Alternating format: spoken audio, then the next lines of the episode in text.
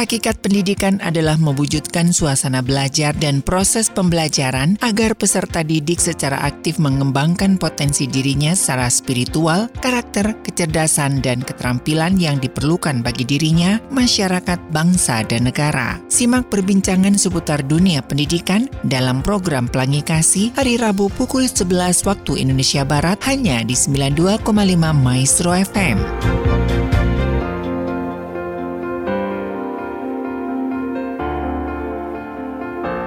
92,5 Maestro FM House with the Sound. Shalom dan apa kabar Sobat Maestro? Kita kembali bersama di program Pelangi Kasih ya Di hari yang baru. Dan juga kita sudah memasuki bulan Maret 1 Maret 2023 Dan bagi Sobat Maestro kalau ada pertanyaan ya seputar pendidikan langsung bisa SMS atau WhatsApp di 081 321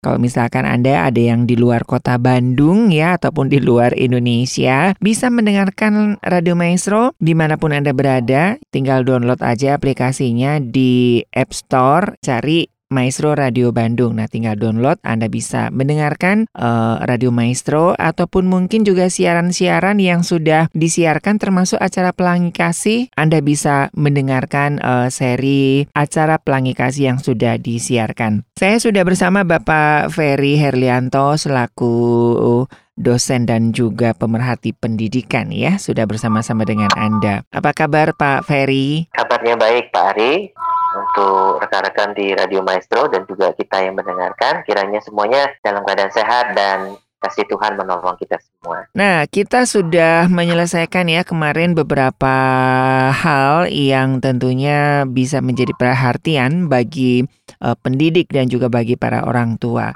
Nah, sekarang kita masuk bab yang baru ini. Sebelum kita di uh, hari ini agak dicengangkan ya Pak Ferry ya dengan satu keputusan di salah satu uh, provinsi ya Pak ya. ya, Ikuti ya, ya Pak ya, ya, yang harus masuk jam 5 pagi itu Pak.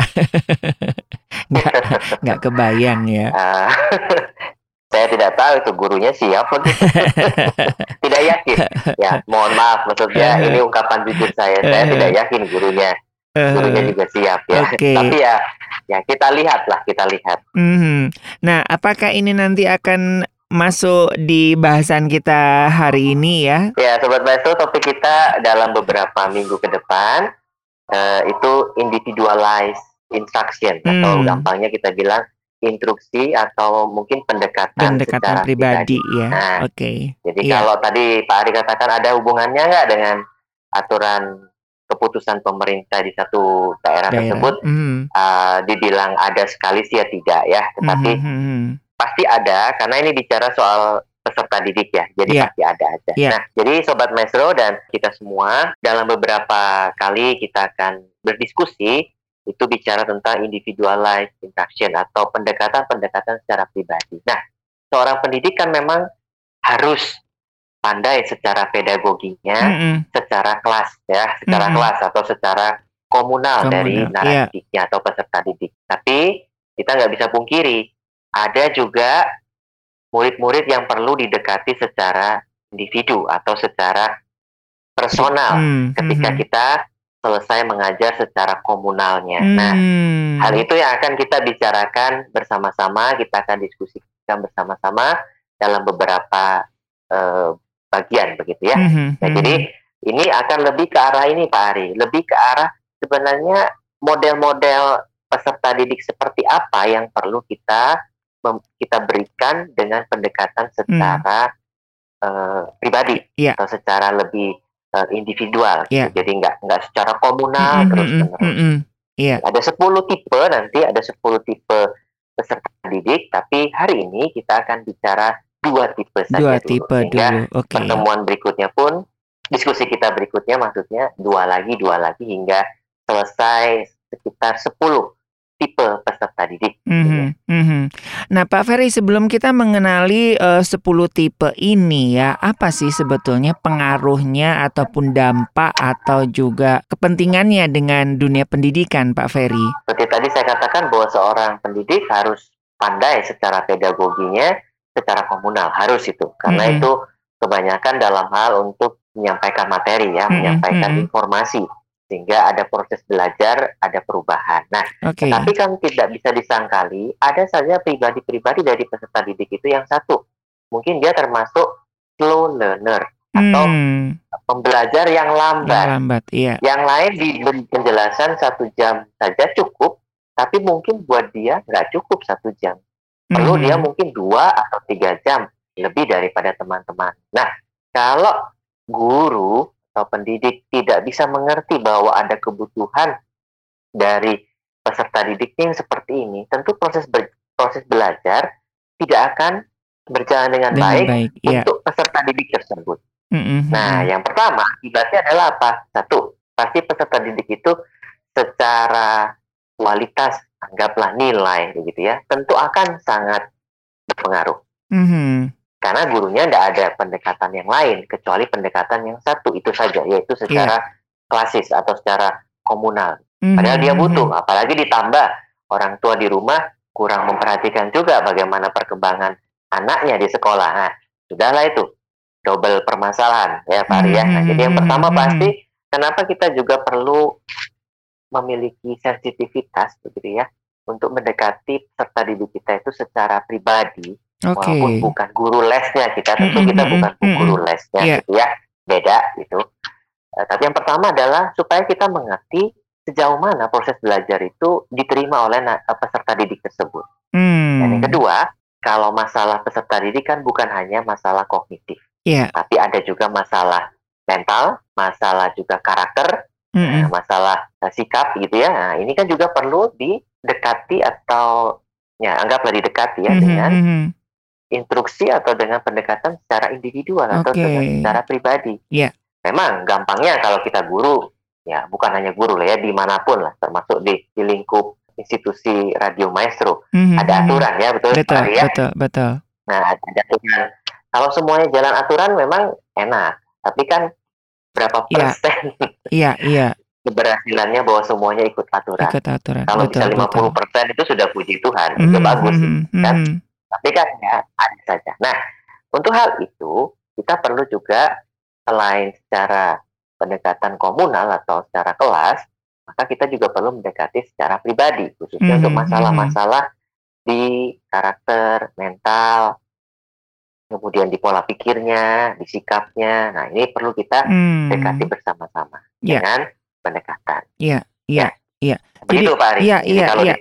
Betul, jadi ini penting sekali ya dan uh, saya juga baru tahu nih ya. Ya mungkin karena saya guru ekskul kali Pak ya. Jadi tiap hari mah deket sama murid ya. Jadi Ya, betul betul. Nggak, nggak terlalu. Yang pernah Pak Ari jaringkan juga kan bahwa uh, walaupun anak ekskulnya gitu ya peserta hmm. didik ekskulnya tidak banyak itu, tapi masing-masing punya ciri khas masing-masing dan harus didekati sendiri-sendiri betul ya Pak Ari ya. Hmm, hmm, hmm Kalau Pak Ari hmm. tetap otot dengan pendekatan kelas, saya yeah. yakin Susah. Full dramanya itu nggak jalan. Nggak jalan, ya, betul, betul, eh, betul. Bukan drama ya, teater ya maksud saya. Iya, ya. iya. Langsung saja kita akan lihat tipe-tipenya ya, karena kan tiap tipe mem memiliki apa ya tantangan dan juga cara pendekatan yang berbeda ya Pak Ferry ya. Betul, betul.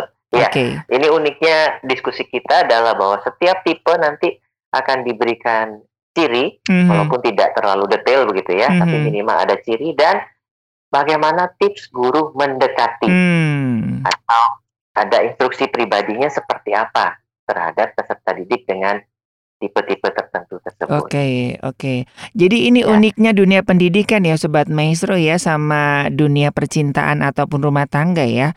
Kalau kalau dunia percintaan kan PDKT dulu ya. Kalau ini baru dikasih dulu baru apa namanya eh, PDKT-nya belakangan ya. PDKT. Tidak apa-apa lah. Oke, silakan Pak Ferry. Kita akan lihat beberapa tipe uh, yang akan uh, disampaikan ya sobat maestro ya. Ya. Uh, untuk hal ini saya akan lebih fokus kepada apa bagian-bagian Alkitab tertentu hmm, ya. Hmm, hmm, uh, jadi artinya saya ingin juga kita punya persepsi yang yang sama juga yeah. baik pendengar maestro dan kita semuanya bahwa Yesus selain Tuhan dan juru selamat kita, tapi dia juga dikenal dalam kitab Injil ditulis sebagai seorang guru. guru. Nah kita jangan yeah. lupa itu. Mm -mm. Nah jadi dari sisi pengajaran dan pendekatan Yesus kepada orang-orang inilah yang akan sama-sama kita uh, pelajari dan mm-hmm. sama-sama kita diskusikan. Nah, yang yeah. pertama adalah diambil dalam Yohanes pasal yang kelima ayat 1 sampai 18. Mm-hmm. Di tipe ini disimpulkan sebagai tipe peserta didik yang insecure atau tidak punya rasa mm. aman. Nah, kalau rekan-rekan sobat maestro uh, coba bisa cek gitu ya dengan cepat sekarang atau kalau enggak nanti. Yeah. Yohanes pasal 5 ini bicara tentang seorang yang lumpuh. Mm-hmm. Seorang lumpuh yang sudah sangat lama, yeah. puluhan tahun. Yeah. 38 tahun. Mm-hmm. 38 tahun dia lumpuh, nggak bisa ngapa-ngapain. Nah, sehingga uh, dari sisi proses pembelajaran ketika Yesus mendekati orang ini, ini tentunya laki-laki ya, karena jelas di situ laki-laki, yeah. bahwa ada insekuritas atau ada uh, insecurity maksud saya, ada mm -hmm. rasa tidak tidak rasa aman, aman dengan mm -hmm. diri orang tersebut. Kenapa? Karena saya yakin dia juga hopeless ya, nggak punya harapan lagi mm -hmm. gimana. Gitu. Nah, salah satu cirinya adalah dari or atau peserta didik yang insecure ini adalah dia itu fokus kepada kelemahan dirinya. Hmm. Jadi selalu kelemahan dirinya. Ya, contohnya ketika uh, bukan contohnya, maksudnya kita kalau simak apa yang menjadi percakapan Tuhan Yesus dengan orang lumpuh ini, ketika Tuhan Yesus uh, bertanya yeah. Ya. uh, tentang istilahnya kepada dia gitu ya, apa yang kamu inginkan untuk kamu sembuh? Ya, kalau kita orang yang tidak, yang istilahnya orang yang oke-oke saja, pasti apa yang kamu inginkan. Ya pasti kita bilang apa? Ya pengen sembuh lah. Mm-hmm, nah mm-hmm. tapi coba kita perhatikan ini uh, pendengar maestro ketika Tuhan tanya apa yang kamu uh, butuhkan? Apa yang kamu inginkan? Dia langsung jawab apa? Aduh guru saya itu sudah 38 tahun di sini. Setiap kali air di kolam itu uh, bergerak begitu ya ketika karena menurut menurut ceritanya malaikat sedang menggoyangkan hmm. ayat tersebut, saya sedang mau merangkak ke sana, ada orang yang nyemplung duluan, yeah. orang itu sembuh duluan. Saya nggak bisa, saya telat lagi, saya paling belakang hmm. lagi, hmm. hingga inilah saya 38 tahun seperti ini. Nah, jadi e, ciri yang pertama adalah dengan peserta didik yang insecure ini tidak punya rasa aman, begitu ya. Tentu rasa aman ini punya banyak faktor ya penyebabnya mm -hmm. ya Pak Ari ya. Yeah, Mungkin betul. uh, memang peserta didik kita itu belum siap belajar. Ya, contohnya mm. uh, kan sekarang ini di sekolah-sekolah kita bicara soal PAUD kan jadi banyak ya. Iya. Yeah. Anak-anak kecil di usia 2 tahun pun sudah harus pergi ke sekolah. Mm -hmm. Nah, makanya kan memang ya tentu ini bukan sebuah masalah yang uh, problem seperti apa lah bukan tentu istilahnya yeah. ini bergantung pada kondisi anak dan orang tua masing-masing. Mm-hmm. Tapi mm-hmm. uh, baliknya atau apa sisi yang berbeda yang harus kita lihat bahwa berapa banyak anak-anak usia dua tahun ini siap untuk sekolah. Oke. Okay. Saya rasa tidak banyak mereka yang siap sekolah. Mm-hmm. Ya, Ya, kebetulan saya kan rumahnya ini sekarang dekat dengan dekat anak-anak ya, gitu ya. Dengan TK ya, ya. Jadi ada ada saja pagi-pagi itu menangis walaupun untuk TK itu natural ya, itu itu mm -hmm. biasa mm -hmm. gitu namanya. Mm -hmm. Dan namanya juga anak-anak. Tetapi tetap bahwa rasa insekuritas itu, security maksud saya, bisa muncul dari satu ketidaksiapan mereka belajar. Oke. Okay.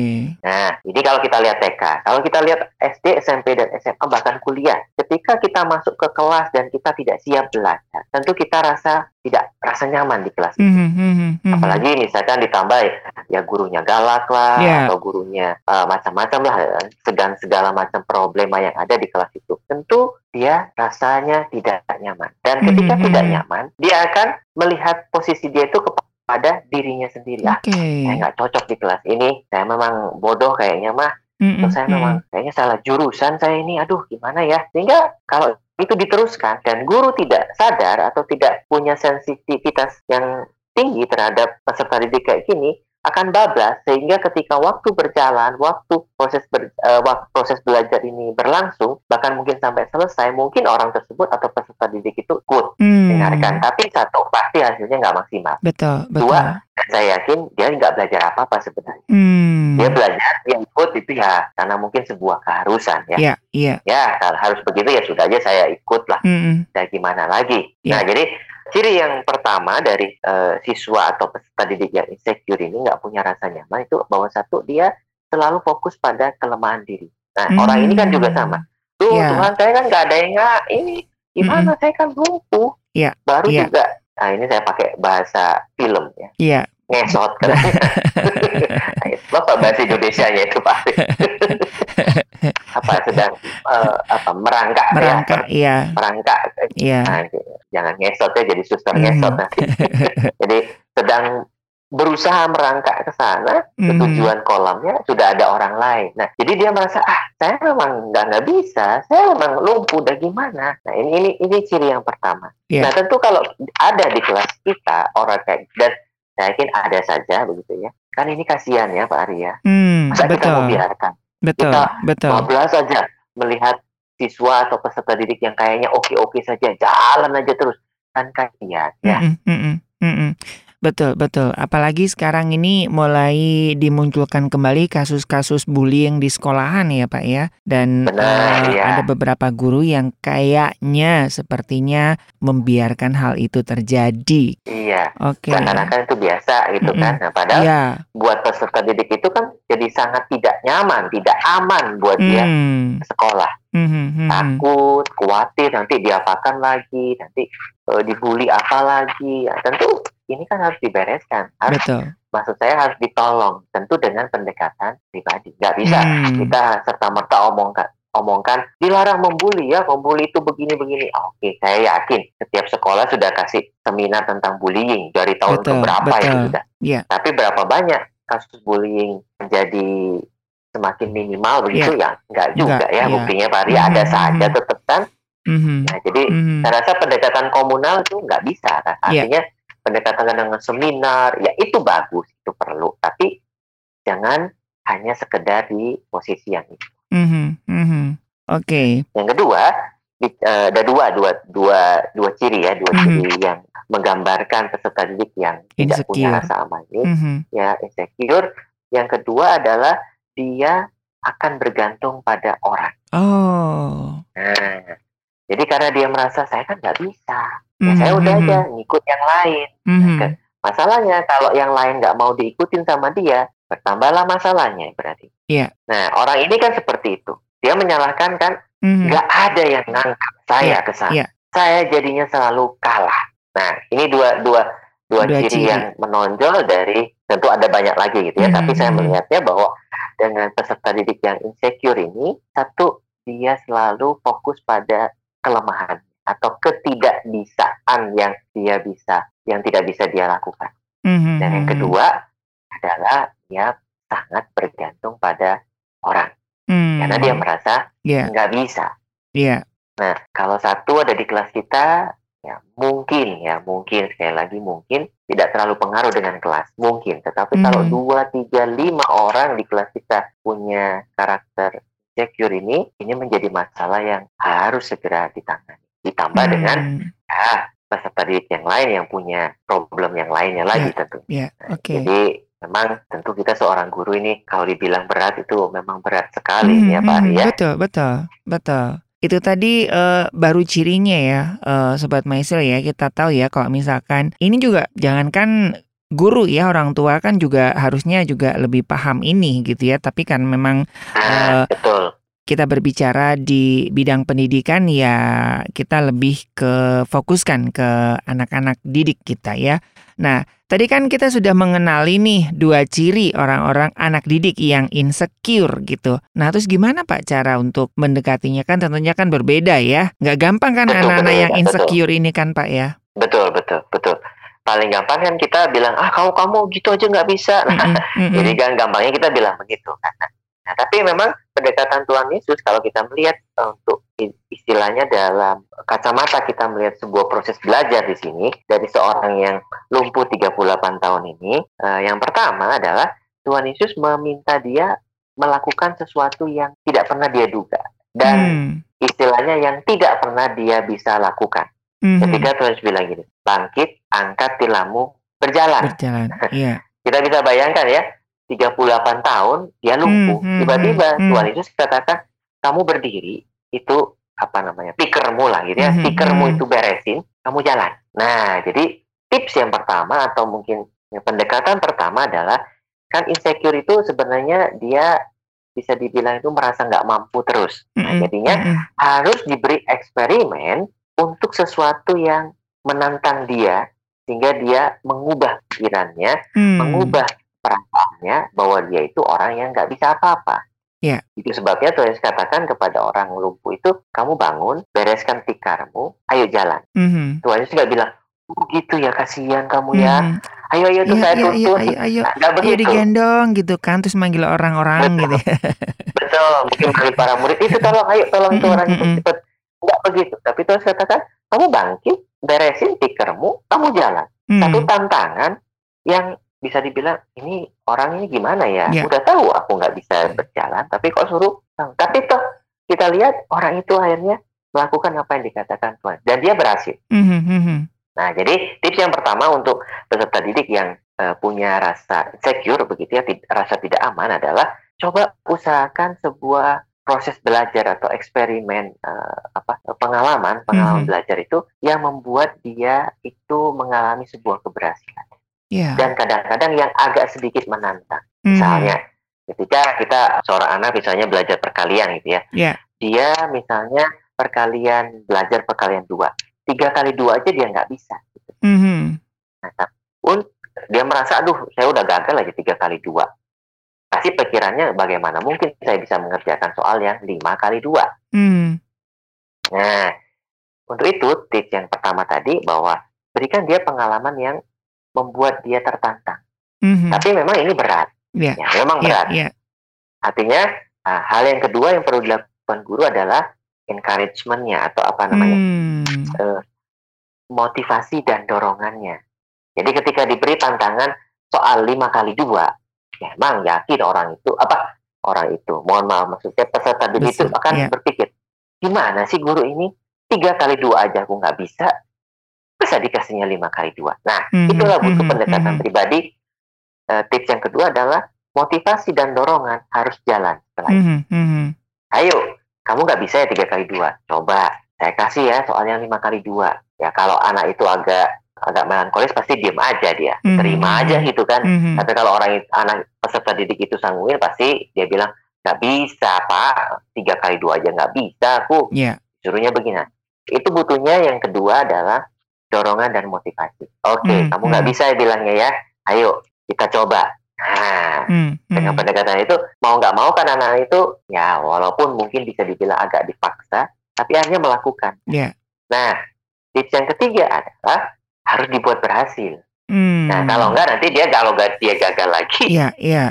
Ya dia semakinlah dia insecure, semakinlah dia nggak hmm, punya hmm, rasa hmm. aman, nggak punya rasa nyaman. Jadi yang ketiga adalah buat dia berhasil. Makanya butuh poin yang kedua tadi atau tips yang kedua inilah yang menentukan. Dalam hmm. hal ini hmm. tidak bisa dibuat secara klasikal, oh. tapi harus dengan pendekatan pribadi. Hmm. Hmm. hmm, hmm. Yeah. Karena kalau apa saya pernah begitu ya, pernah punya pengalaman juga waktu itu belum belajar hal ini juga gitu ya, walaupun uh, ada sedikit belajar tapi belum terlalu mantap lah begitu. Mm -hmm. Ketika ada yang nggak bisa, lalu saya saya pikir dengan teman-teman yang memberi semangat satu kelas itu, saya pikir anak itu malah semangat gitu ya. Mm-hmm. Eh ternyata malah nangis oh, Pak Ari. Iya.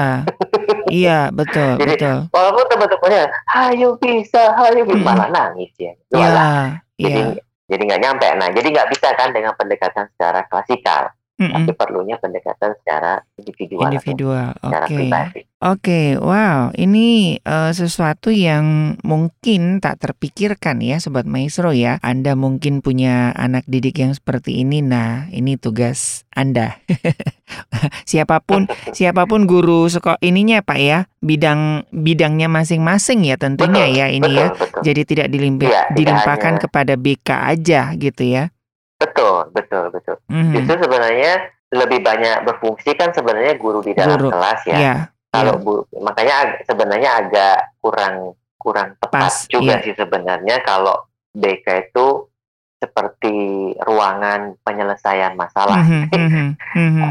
Toh yang selama ini masalahnya itu kan udah bertumpuk-tumpuk setiap hari dilihat oleh guru, guru di dalam kelas. Yeah, yeah. Kenapa nggak diselesaikan di sana dulu gitu kan? Mm -hmm, Kecuali memang butuh pertolongan, yeah. pendampingan, itu beda cerita. Yeah. Itu mah sah-sah saja untuk mm -hmm, panggil BK mm -hmm, begitu kan ya. Tapi okay. kan ya berapa banyak kan kita guru-guru nggak mau repot kan? Betul. Nggak ngerjain tugas, yeah. udah nggak ngerjain PR misalkan empat kali, kamu mm -hmm, ke guru BK aja Langsung kan? BK gitu, oke. Okay. Ya, pada guru mm -hmm. BK-nya juga bingung gitu kan aku disuruh ke sini ngapain anaknya juga bilang nggak tahu juga pak nah akhirnya okay. tidak tertolong mm -hmm. ini tipe yang pertama ya pak ya anak-anak yang baik, insecure baik, ya. ya semoga guru-gurunya juga nggak insecure juga. juga ya pak ya betul, betul. Semoga gurunya juga uh, tidak tidak insecure ya nah itu bicara lain nanti ya kalau guru yang insecure wah okay. itu bicara topik lain nih iya, Iya, nanti nanti kita akan coba buat ya uh, topik untuk uh, khusus. Soalnya tidak sedikit tuh Pak guru-guru yang sebetulnya insecure ya, termasuk saya gitu.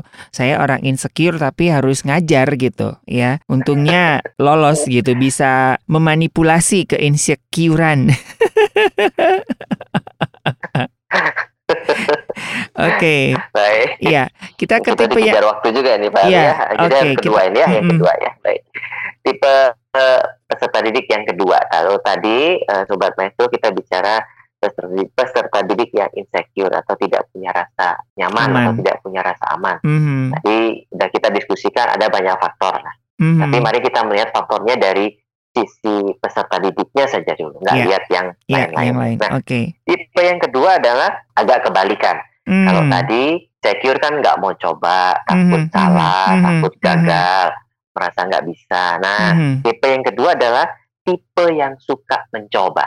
Oh. Nah, guru wow. paling seneng kan dengan tipe seperti ini. Oh, dijelasin siapa yang mau coba? Oh saya, saya, yeah, saya. Yeah, yeah. Nah, tenang, karena tipe yang suka mencoba ini adalah tipe yang aktif. Tapi hmm. sebenarnya dari peserta didik sendiri harus juga ditolong sebenarnya.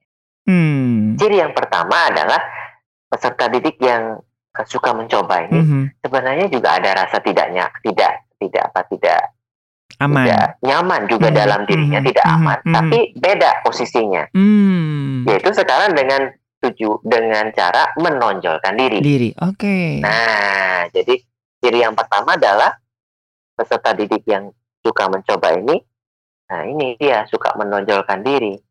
Hmm. Nah, menonjolkan dirinya kadang-kadang uh, ekstrimnya itu tanpa dipikirkan. Mm-hmm. Misalnya, contohnya sering ya kalau ini khususnya di anak-anak juga. Yeah. Kalau di SMA kayaknya udah enggak sih. Uh, di anak-anak aja di SD ya, SD dan TK. Kadang-kadang kan kita sering ya baru mengajar gini.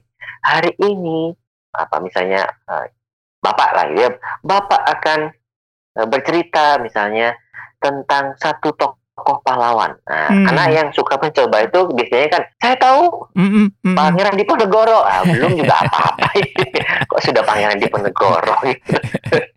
nah Pak salahkah seperti itu sikapnya tidak hmm, salah hmm, tetapi hmm. kita harus mengarahkan nah karena kan nah bayangkan tipe seperti ini juga ada di dalam kelas yeah. jadi ini bu, bukan bu, sekali lagi kita diskusi ini uh, sobat maestro ya bukan untuk cari kesalahan mm -hmm. bukan tapi untuk mencari solusi mm -hmm. karena sebenarnya uh, peserta didik yang suka mencoba ini memang positif betul yeah, secara yeah. sisi yang seberang sana positif tapi sisi, sisi seberang yang lainnya ini juga perlu ditolong mm -hmm. diarahkan artinya diarahkan. perlu yeah. diarahkan jadi yang pertama ciri dari peserta didik yang suka mencoba ini adalah yaitu dia menonjolkan dirinya kebablasan. Hmm, Jadi kayak apa -apa Petrus udah, gitu ya Pak ya?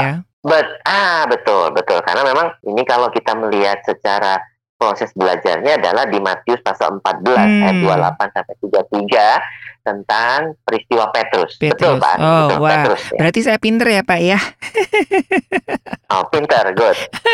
Kalau nggak pinter nggak jadi nggak jadi seperti ini di Maestro nih. Maestro sangat bersyukur nih ada Pak Arin ya. Nah, jadi Oke. Okay. Enggak, enggak. Ya. Saya memposisikan diri jadi murid Pak sekarang, Pak. okay. Bagus. Anak yang baik, dengarkan dulu ya. baik, kita balik ya sobat maestro ya. Oke, okay. silakan Pak Ferry. Di, di Matius 14 28 33 ini kan bicara Yesus ketika uh, para murid itu di tengah badai. Hmm. Lalu Yesus datang hmm. berjalan hmm. di atas air. Yeah. Semua kan takut ya. Yeah. Oh, itu hantu, itu hantu. Tapi ada yang bilang itu kan, eh Tuhan Yesus bilang jangan takut, ini saya. Nah, hmm. Nah, lalu Petrus kan bilang, guru, kalau benar itu guru, biarkan aku datang kepadamu. Nah, hmm. ini tipe yang suka mencoba, dia iya, nggak yeah, mikir yeah. itu ada di mana. Iya. Yeah. Dia cuma bilang, guru, kalau kamu itu guru, aku mau ke sana, mau nemui kamu. Nah, Tuhan Yesus langsung bilang, ayo ke sini kamu. Mm-hmm. Dan apa yang dilakukan Petrus? Petrus ya bisa dikatakan, walaupun tidak diceritakan di sana, dia cukup panjang mm. berjalan mm. di atas air sebenarnya. Mm. Nah, tapi ketika jelas Alkitab bilang bahwa ketika dia merasakan tiupan angin badai dan merasakan deburan uh, ombak gelombang, mm-hmm. dia mulai takut, makanya dia mulai tenggelam. Yeah. Nah, memang Alkitab tidak menuliskan berapa meter dia mm-hmm. ada berjalan lah begitu ya, dan yeah. kita nggak perlu pusing lah dengan yeah, hal itu. Yeah. Tapi mari kita melihatnya bahwa Petrus ini sangat spontan. Mm-hmm. Atau contoh yang lain, mm. ketika Tuhan Yesus bilang e, hari ini, eh malam ini, yeah semua kalian imanmu imannya akan bergon, tergoncang. Hmm. Petrus bilang apa? Tidak Enggak. akan guru ya. sekali-kali walaupun yang lain meninggalkan, aku akan tidak akan meninggalkan kau. Itu harus bilang sebelum ayam berkokok tiga kali, kamu akan menyangkal aku. Jadi tipe yang suka mencoba ini memang satu sisi ya bagus lah ya dilihatnya mm -hmm, aktif mm -hmm, banget mm -hmm, nih kan. Mm -hmm. Kalau semuanya kayak Yohanes yang pemikir gitu kan iya. nggak yeah. rame juga ini. Yeah. Apa proses belajar 12 murid nih. Tapi mm -hmm. Tuhan mhm. Yesus beli melihatnya ada murid juga yang seperti ini. Nah, yeah. jadi yang pertama cirinya adalah itu dia suka menonjolkan diri tetapi agak jadi kebablasan. Mm -hmm.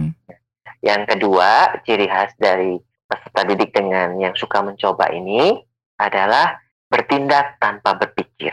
Mm. Nah ini kan bahaya ya, yeah. bahaya juga kan. Nah misalnya ketika nanti mereka bertumbuh di masyarakat, Kemudian ketika ada apa istilahnya ada perkelahian mungkin antar geng, mm-hmm. lalu dia merasa, aduh, saya harus jadi menengah nih yeah, tanpa yeah, tahu yeah. pokok masalahnya, langsung tapi karena dia ya. suka mencoba, mm-hmm. langsung dia beraksi, nah dia yang mati konyol ya kan, kan yeah, sayang. Makanya yeah, tadi yeah. saya katakan sebagai pendidik kita perlu mengarahkan mereka, mm, okay. perlu mengarahkan mereka. Oke. Okay. Jadi Begitu ya Sobat Maestro bahwa tipe yang kedua ini ada peserta didik dengan yang suka mencoba. Mm-hmm. Nah, saya rasa di apa kita kalau masuk ke keluarga gitu ya, kalau yang punya anak lebih dari satu, tentu bisa orang tua bisa membedakan. Mm-hmm. Harusnya ya, harusnya yeah. bisa membedakan. Mana anggap dua ini dulu ya, mana tipe anak yang insecure atau mana tipe anak yang memang ini dia suka mencoba. Hmm. Kita harus pikirkan baik-baik. Yeah. Jadi yeah. jangan kalau misalkan dua tipe ini ada di dalam diri anak-anak kita di keluarga, otomatis yang suka mencoba ini kan kelihatan dominan sekali. Dominan. Betul, betul. Kelihatan kok kayaknya aduh pinter, aduh kok kelihatannya hmm, ini hmm. aktif nih. Sementara satu kayaknya diem aja, hmm, kayaknya hmm. nggak hmm. ada uh, inovasinya, nggak ada greget-gregetnya misalnya. Nah, Jangan sampai kita sebagai pihak orang tua langsung itu loh kamu harusnya kayak dia. Mm -hmm. Ini kan jadi proses belajar yang tidak baik, Betul. tidak yeah. seimbang. Betul. Nah ini saya harap uh, misalnya ada orang tua yang mendengarkan diskusi kita atau siaran kita pada siang hari ini Pak Ari ya coba melihat gitu ya mm -hmm. uh, bagaimana dengan kondisi yang ini orang tua yang masih punya anak-anak dalam tubuh kembang ya. Hmm, hmm, Sebenarnya enggak hmm. untuk anak tubuh kembang juga sih. Yeah, anak yeah. sampai kuliah pun juga sama sih betul, sebenarnya. Betul, betul, betul. Nah, untuk nah, jadi gimana Bu? Iya, eh, iya, iya. Iya, iya silakan, Pak. Nah, jadi eh, semoga ini yang saya tebak betul ya. Pak Ari ingin menanyakan jadi mm -mm. tipsnya bagaimana How Pak Ari gitu ya. How to approach. okay. Baguslah kalau begitu ya. Jadi kita semakin sehati saja ini. Oke, okay, sahabat Basrel. Jadi apa yang harus kita lakukan sebagai pendidik baik orang tua maupun juga khususnya di di posisi guru ya, guru pendidikan secara formal ya. Nah, yang pertama adalah memang tetap kita tidak boleh mengkat hmm. rasa ingin tahunya ya. atau yeah. rasa suka mencoba. Jangan hmm. dikat. Jadi hmm. jangan istilahnya ah kamu lagi kamu lagi hmm. cobalah jangan yang kamu lagi nah jangan begitu yeah, yeah, artinya yeah. pendekatannya pertama karena ini sangat aktif kan mm -hmm. tadi kayak mm -hmm. gini mm -hmm. pokoknya guru nanya apa guru suruh apa dia mau dia mau dia mau dia mau lagi terus yeah. nah jadi pendekatan pertama adalah jangan cut rasa ingin mencobanya rasa ingin tahunya rasa aktif itu tetapi eh, dekati dengan istilahnya pendekatan yang lebih persuasif. Hmm. Nah, hmm, hmm supaya hmm, itu hmm. tidak membuat dia down. Yeah. Karena tipe ini juga kan gampang down juga kan ketika dikat sekali masuk ah. Yeah. Gurunya nggak asik, aku mau jawab nggak boleh. Nah, hmm, kan ada model-model yeah. begitu ya. Nah, betul, betul. seperti inilah. nah, supaya nggak nggak jadi down seperti ini, maka kita perlu pendekatan individual yaitu secara persuasif. Oke, okay, good. Misalnya Michael hmm, namanya. Hmm. Good Michael. Michael mau jawab lagi nih tapi tolong ya kasih kesempatan sama yang mm-hmm. lain. Mm-hmm. Nah, coba mm-hmm. yang lain dulu.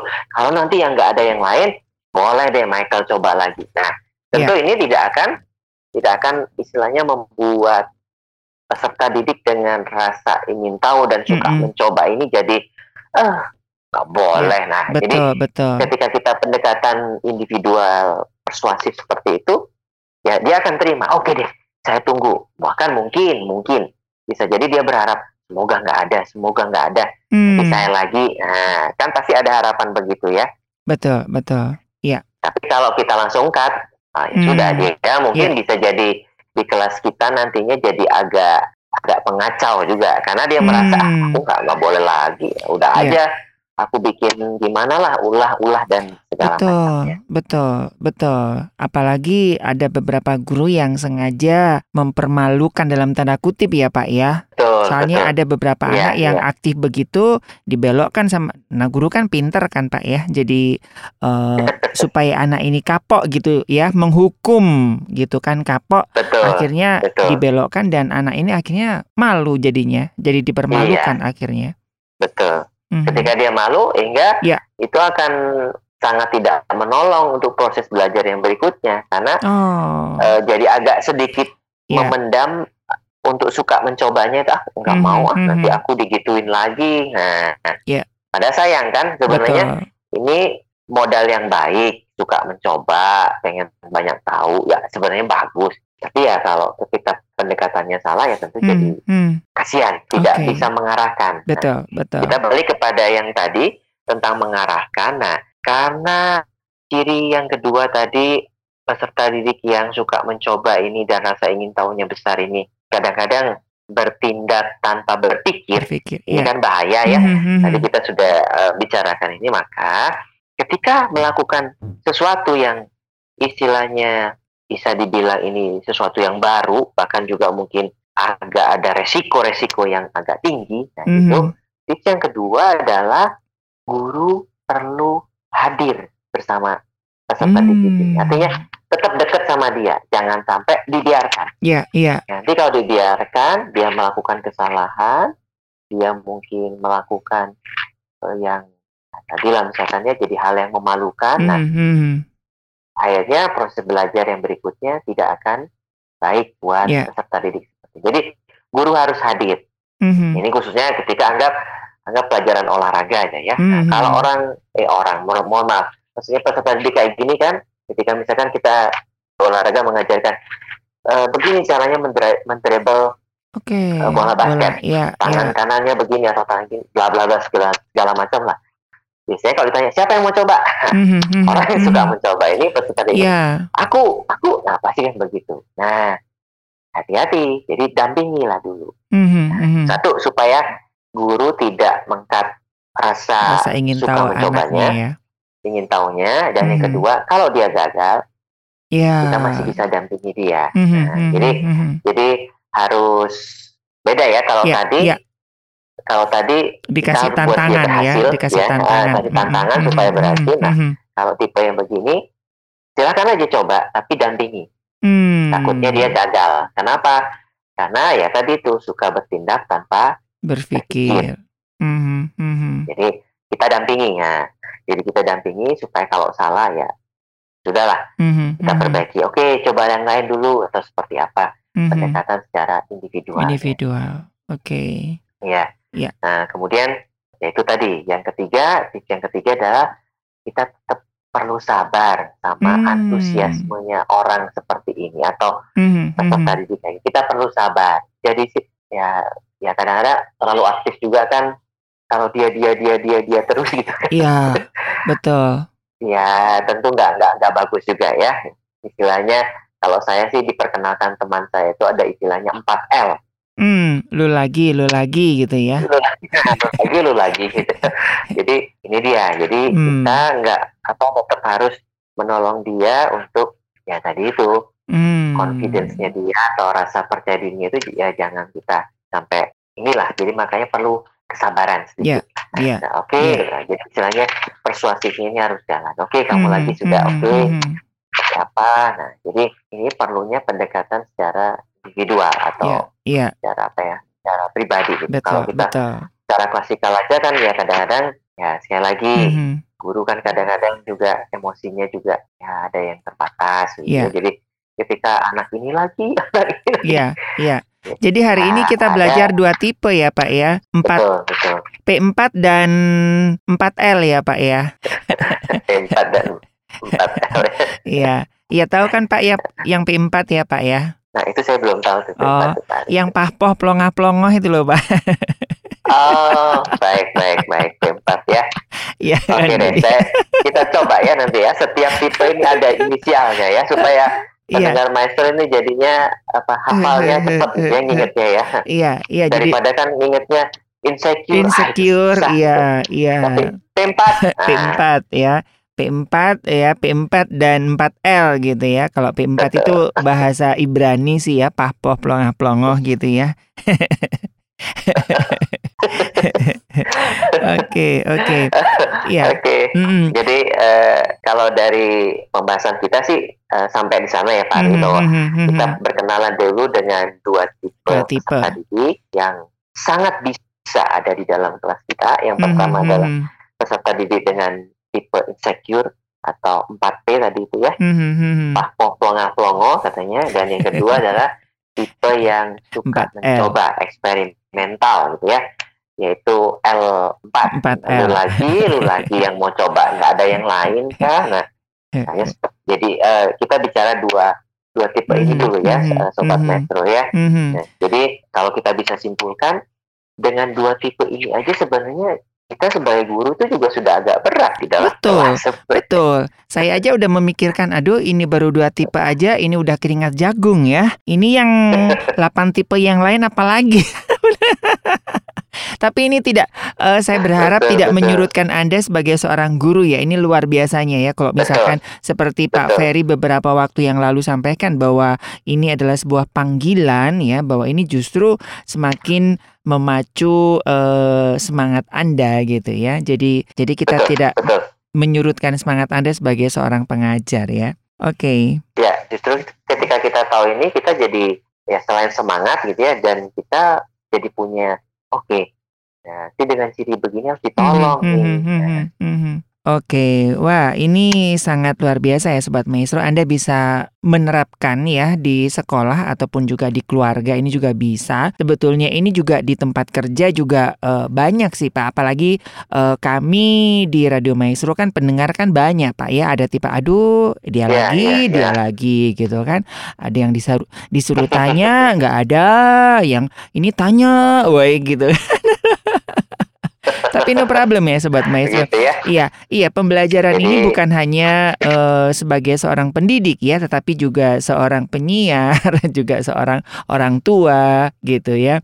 Ya kalau pedagang mah seneng ya lu lagi lu lagi gitu repeat order gitu ya. Ah, betul, betul. Oke, oke. Mungkin kalau di perusahaan ya, kayaknya di perusahaan juga bermasalah kalau ya. uh, L4 ini juga, eh kamu lagi, kamu lagi, jadi dia terus mm -hmm. yang mau mm-hmm. menonjolkan diri mm -hmm. gitu ya. Mm -hmm. Mm -hmm.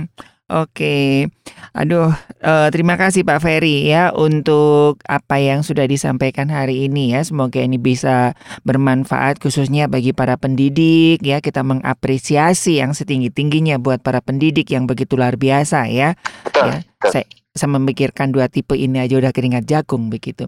Oke, kita akan lihat nanti ya delapan tipe yang lainnya. Jadi kalau misalkan Sobat Maestro ada pertanyaan, bisa langsung SMS atau WhatsApp di 081321000925. Pak Ferry, terima kasih buat hari ini Pak Ferry. Sama-sama Pak Ferry, Sobat Maestro. Baik Sobat Maestro, dari Gra Maestro Jalan Kaca Piring 12 Bandung, saya Ari dan juga Bapak Ferry Herlianto selaku dosen dan pemerhati pendidikan mengundurkan diri dari program Pelangi Kasih. Tetap jaga protokol kesehatan, mari kita satukan visi kita dan Tuhan memberkati.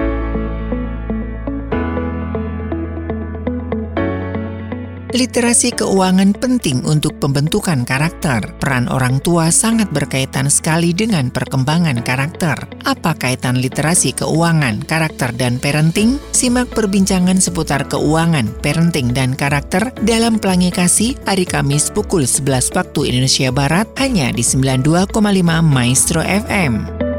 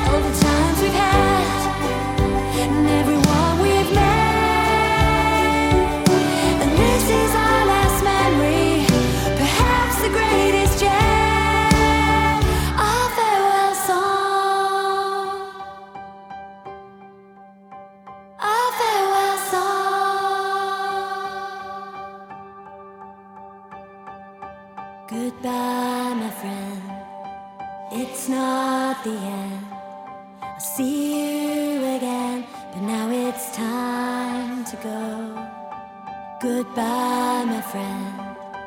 It's not the end. I'll see you.